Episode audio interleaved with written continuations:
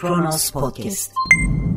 Bu kadar da kolay çalınmamalı insanların hayatları. Bu kadar da kolay pervasız yırtılıp atılmamalı ömür defterlerinden yapraklar. Çünkü sadece bir insandan bahsetmiyoruz. O insanın anasından, babasından, eşinden, dostundan, çoluğundan, çocuğundan çalınan bir zamandan bahsediyoruz ve bir insan ülkede hukuka güvenebilmeli. Mahkemeye çıktığında suçlu olsa dahi hak ettiğinden fazla bir cezaya çarptırılmayacağından emin olabilmeli. Bir hata olduğunda üst mahkemeye gittiğinde bu hatanın telafi edilebileceğine inanmalı. Yine olmadıysa mevzuat uygunsa uluslararası bir alana taşıyabilecekse oradan en azından doğru kararla dönülebileceğini bilmeli. Buna inanmalı ki ülkesinin geleceğinde kendine dair bir umut besleyebilsin. Peki öyle mi? Merhaba 26 Aralık 2020 Cumartesi günün tarihi ve Kronos Haber'de Kronos gündemle birlikteyiz.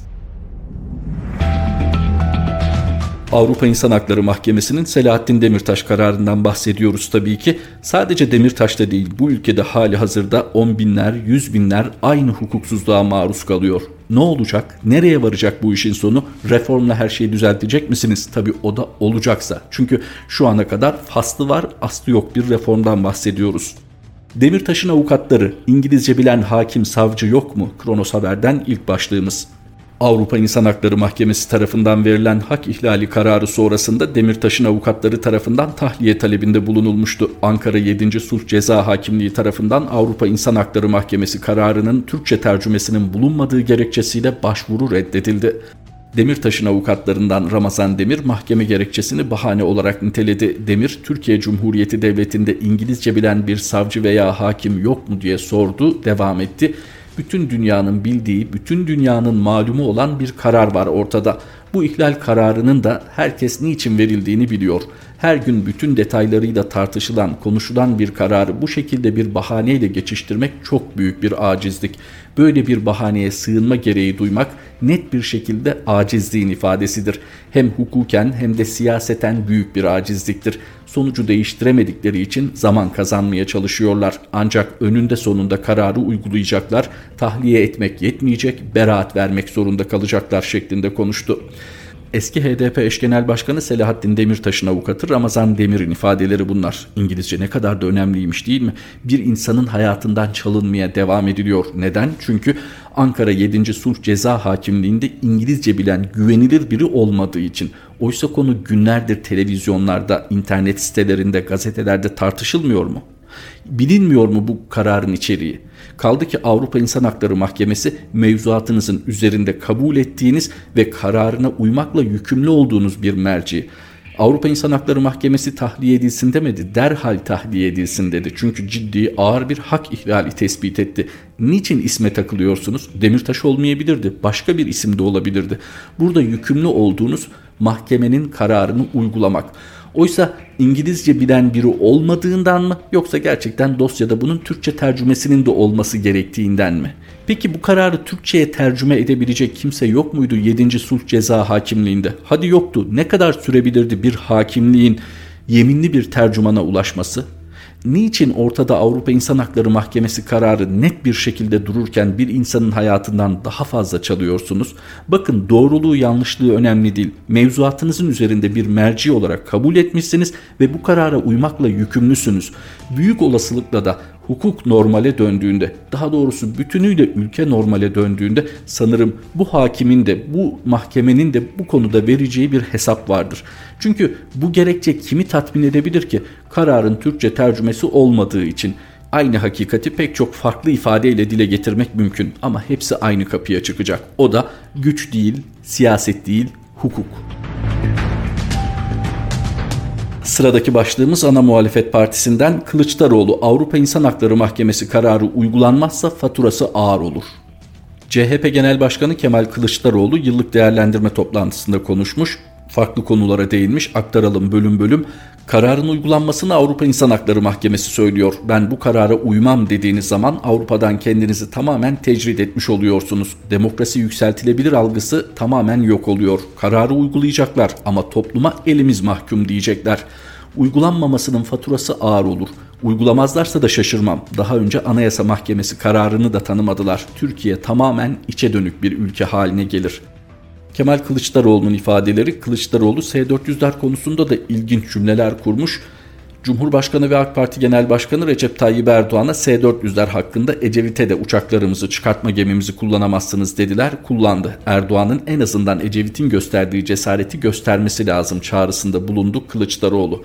Gazetelerin Ankara temsilcileriyle bir araya gelen Kemal Kılıçdaroğlu'nun değindiği bir diğer konu erken seçim. Erken seçimi Türkiye'nin ağır faturayı ödememesi için istiyorum. Hükümet sorunları çözme kapasitesini kaybetti. Fatura ağırlaşmasın topluma gidelim diyoruz. Türkiye'nin tepeden tırnağa yapılanması gerekiyor. Parlamenter sistem gerekiyor ekonomi başlığı o politikaları uygulayan Erdoğan'dı. Erdoğan'ın istifa etmesi lazım. 128 milyar dolarlık kaybın faturasını Erdoğan'ın ödemesi gerekmiyor mu? Yarın ne gibi bir politika izleyeceğini merak ediyorum. Merkez Bankası söylediklerinin tam tersini uyguluyor. Kılıçdaroğlu'nun bu ifadelerini aktardıktan sonra Erdoğan'la ilgili bir başlık var. Erdoğan'dan mavi boncuk. Avrupa, Amerika ve Rusya ile sorunumuz yok. Reformları hedeflerimize uygun şekilde çıtayı sürekli yükselterek sürdürüyoruz. İnşallah 2021 yılı milletimize söz verdiğimiz gibi demokratik ve ekonomik reformlar yılı olacaktır. Bu konuda yapılan hazırlıkları en kısa sürede milletimizin ve meclisimizin takdirine sunacağız.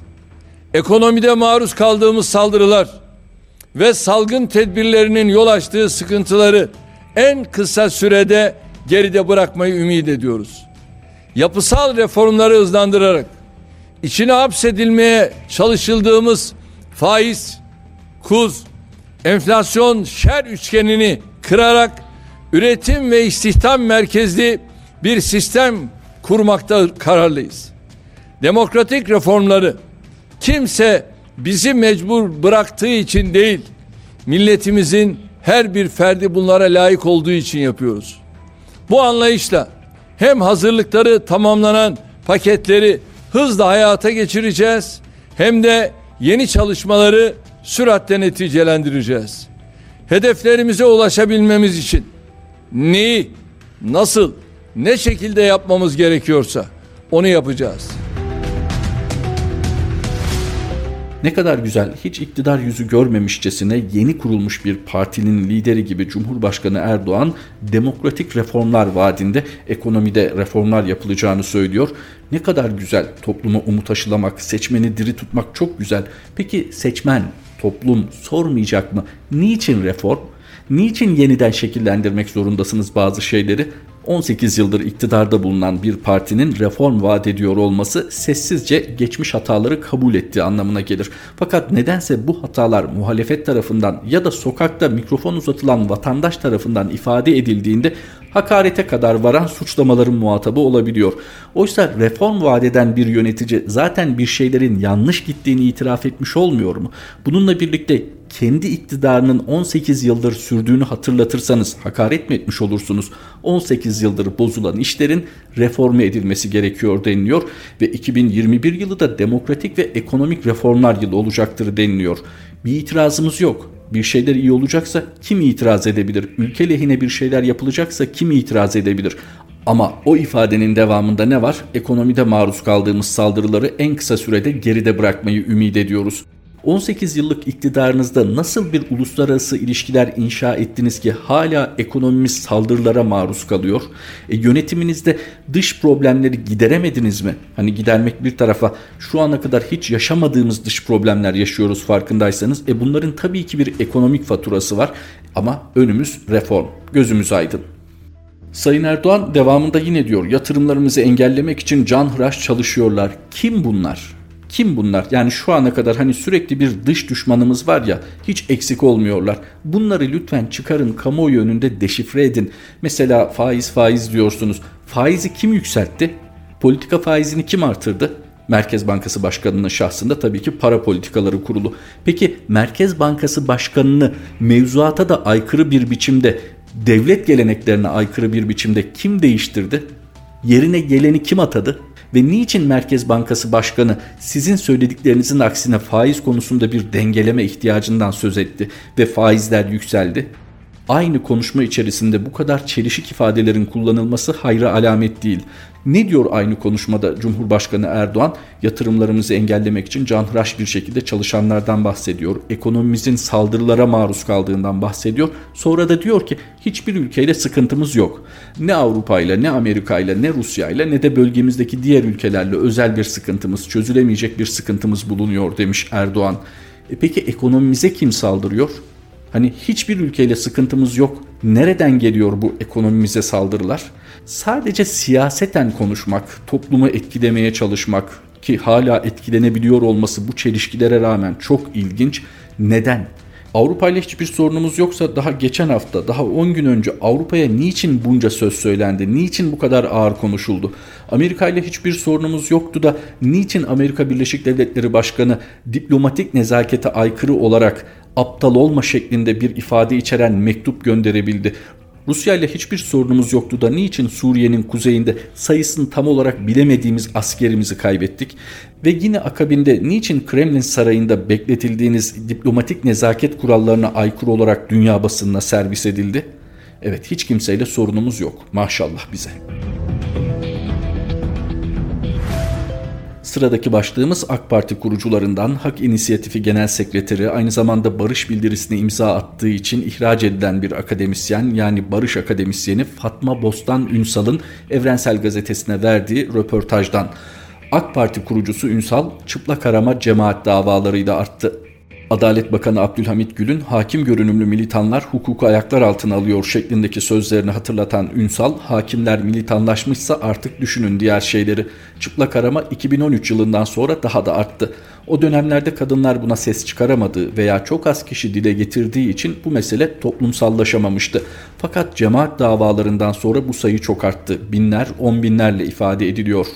Devam ediyor çıplak aramayla ilgili değerlendirmesine Ünsal, Ankara Cumhuriyet Başsavcılığı'nın çıplak arama yapanları değil, çıplak aramayı dile getiren kadınlara yönelik soruşturma açmasını da eleştiren Ünsal, Savcının çıplak aramayı yapanlara yönelik soruşturma açması gerekirken bu ifadelere ve tanıklıklara açıyor olması bir suç. Adalet Bakanı'nın kamuoyuna bir açıklama yapıp bu şikayetleri aldık, inceleyip yapanları cezalandıracağız demesi gerekiyor. Fatma Bostan Ünsal'ın ifadeleri hemen hatırlatalım. AK Parti'nin kurucularından Hak İnisiyatifi Genel Sekreteri ve aynı zamanda bir barış akademisyeni. Çıplak aramayla ilgili bir başlık Mahmut Alınak çıplak aramalara karşı insan hakları nöbetine başladı.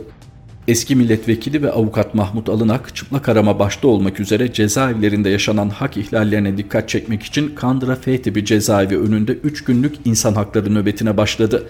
HDP Kocaeli milletvekili Ömer Faruk Gergerlioğlu tarafından gündeme getirilen cezaevlerindeki çıplak arama konusuna toplumun çeşitli kesimlerinden tepki gelmişti diyor Kronos Haber ayrıntıda maalesef hemen her gün sosyal medya aracılığıyla özellikle hapishanelerden mağduriyet haberleri yükseliyor. Sıradaki başlığımız hasta mahpus Lütfi Koç'a cezaevinde darp. Beni öldürecekler sesimi duyurun. İzmir Menemen cezaevinde hükümlü bulunduğu dönemde ciddi sağlık sorunları yaşayan ve 18 ay boyunca tedavisi yapılmayan Lütfi Koç rapor alma işlemleri tamamlanmak üzereyken sevk edildiği Afyon cezaevinde şiddete ve kaba dayağa maruz kaldı. Lütfi Koç yakınlarıyla yaptığı telefon görüşmesinde darp nedeniyle gözüne kan indiğini, kasık fıtığı ağrılarının şiddetlendiğini söyledi. Savcılığa suç duyurusunda bulunmasına rağmen sonuç alamadığını, doktorların da kendisine rapor vermediğini belirten Koç yakınlarından yardım istedi. Hukuk olmalı bir ülkede demiştik başlarken. Hukuk olmalı ki bir vatandaş kendini güvende hissedebilmeli. Suçluyken de güvende hissedebilmeli. Şundan emin olmalı. Hak ettiğimden daha fazlasıyla cezalandırılmayacağım. Ve cezam her ne ise onun cinsinden ceza alacağım. Ben bir hapis cezası mahkumuysam darp edilmeyeceğim. Bu vakaların münferit olduğu iddia edilebilir. Doğru da olabilir. Fakat Adalet Bakanlığı'na yakışan bu konuda tavizsiz olduğunu özellikle ilgili personele duyurmaktan ve hissettirmekten geçer. Şikayetlerin odağında olan isimler uyarılır, gerekirse cezalandırılır tabii ki araştırıldıktan sonra ve Adalet Bakanlığı şu mesajı verir. Devlet hiç kimseye suçlu da olsa hak ettiğinden fazla ceza vermez. E, hukuk bunu buyuruyor ama büyüklerimiz bu dönem itibariyle farklı buyurabiliyorlar. Peki Sağlık Bakanı ile devam edelim. Bakan Koca İngiltere'de tespit edilen koronavirüs mutasyonuna Türkiye'de rastlanmadı. Sağlık Bakanı Fahrettin Koca virüste mutasyon ve varyasyon değişikliklerinin izlenmesi için halk sağlık referans laboratuvarlarının düzenli olarak çeşitli bölgelerde incelemeler yaptığını işaret ederek bu incelemeler kapsamında belirlenen varyasyon ve mutasyon Dünya Sağlık Örgütü ile paylaşılmaktadır dedi. Bakan Koca ne son dönemde yurda ilgili ülkelerden giriş yapan PCR pozitif vakalardan alınan numunelerde ne de yurdun çeşitli bölgelerinden toplanan örneklerde İngiltere'nin rapor ettiği gen mutasyonuna rastlanmıştır. Düzenli incelemelerimiz devam edecek demiş. İngiltere'de rastlanan mutasyona uğramış varyantlar Türkiye'de görülmemiş olabilir. Fakat Sayın Bakan Koca ki doktor aynı zamanda kendisi şunu düşünmüş müdür? Ben bu açıklamayı yapıyorum ama daha önce veriler konusunda rakamsal verileri paylaşma konusundaki tutumumuzdan dolayı bu söylediklerimde de bir inandırıcılık problemi olabilir mi? Hemen ekleyelim diğer başlıktan. Koronavirüsten 253 kişi hayatını kaybetti. 15.118 yeni vaka tespit edildi. Son veriler. Profesör Doktor Şahin aşımızı Türkiye'de üretme girişimlerimiz var. Koronavirüse karşı Pfizer firmasıyla birlikte aşı geliştiren BioNTech firması CEO'su Profesör Doktor Uğur Şahin şirketin Türkiye'de bir ofis açmayı planladığını, bunun için de TÜBİTAK'la görüşmelerinin olduğunu açıklamış.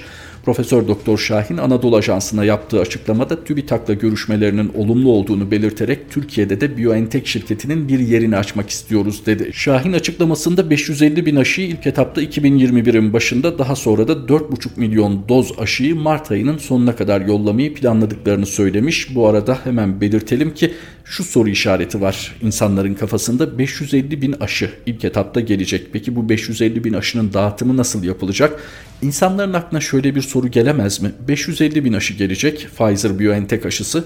Çin aşısı daha çok gelecek. 50 milyon sipariş verildi. Bunlar parti parti gelecek. Tamam iyi güzel hoş.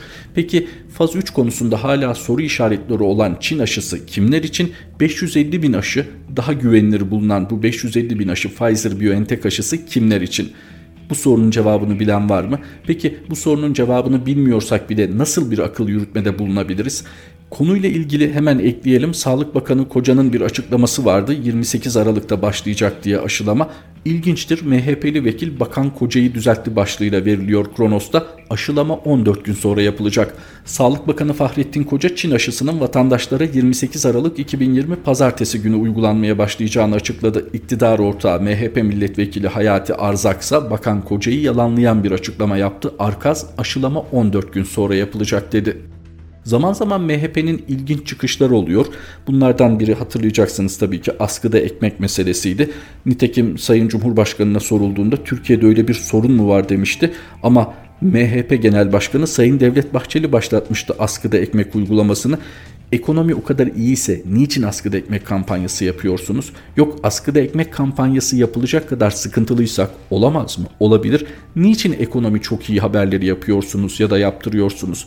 Bu konuda da Sayın Bakan niçin 28 Aralık dedi mümkün olmayacaksa yok mümkün olacak ve pazartesi uygulama başlayacaksa MHP İstanbul Milletvekili Hayati Arkaz niçin 14 gün gibi kısa bir süre sonra da aşılanmaya başlayacağız ifadesini kullandı. Tekrar edelim toplum sağlığından bahsediyoruz.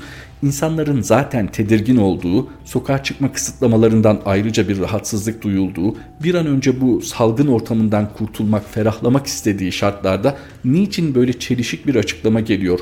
Devlet neydi? Devlet ciddiyetti mutlaka haberiniz olması gereken bir başlık. Bakana saraydaki ziyafeti soran muhabir bakanlığın iletişim grubundan çıkarıldı. Sağlık Bakanı Fahrettin Koca'nın 24 Aralık'taki bilim kurulu toplantısının ardından yaptığı basın toplantısında Yol TV muhabiri Özge Uyanık'ın bakana soru sormasına izin verilmedi. Bunun üzerine sorusunu yayınladığı videoyla bakana yönelten Uyanık, vatandaşa sürekli kalabalık ortamlardan uzak durulması çağrısı yaptınız. Cumhurbaşkanlığında Irak Başbakanı için canlı müzikli ziyafet verildi. Bu tabloyla ilgili yorumunuz ne diye sormuştu. Bir hakaret var mı? Bir aşağılama var mı? Ya da hukukun suç diye tarif ettiği bir durum var mı bu soruda? Peki devam edelim. Bu sorunun sosyal medyada gündem olmasının ardından muhabir Özge Uyanık hiçbir açıklama yapılmaksızın bu kez bakanlığın basın WhatsApp grubundan çıkarıldı. Uyanık geçtiğimiz günlerde yayımladığı videoda her hafta düzenli olarak basın toplantılarına katılmasına rağmen 4 haftadır soru sormasına izin verilmediğini belirtmişti. Hala düşünüyor musunuz Olay TV neden kapandı diye? Günün öne çıkan başlıklarını aktardığımız Kronos gündemle birlikteydik. Kronos Haber'de tekrar buluşmak üzere. Hoşçakalın. Kronos Podcast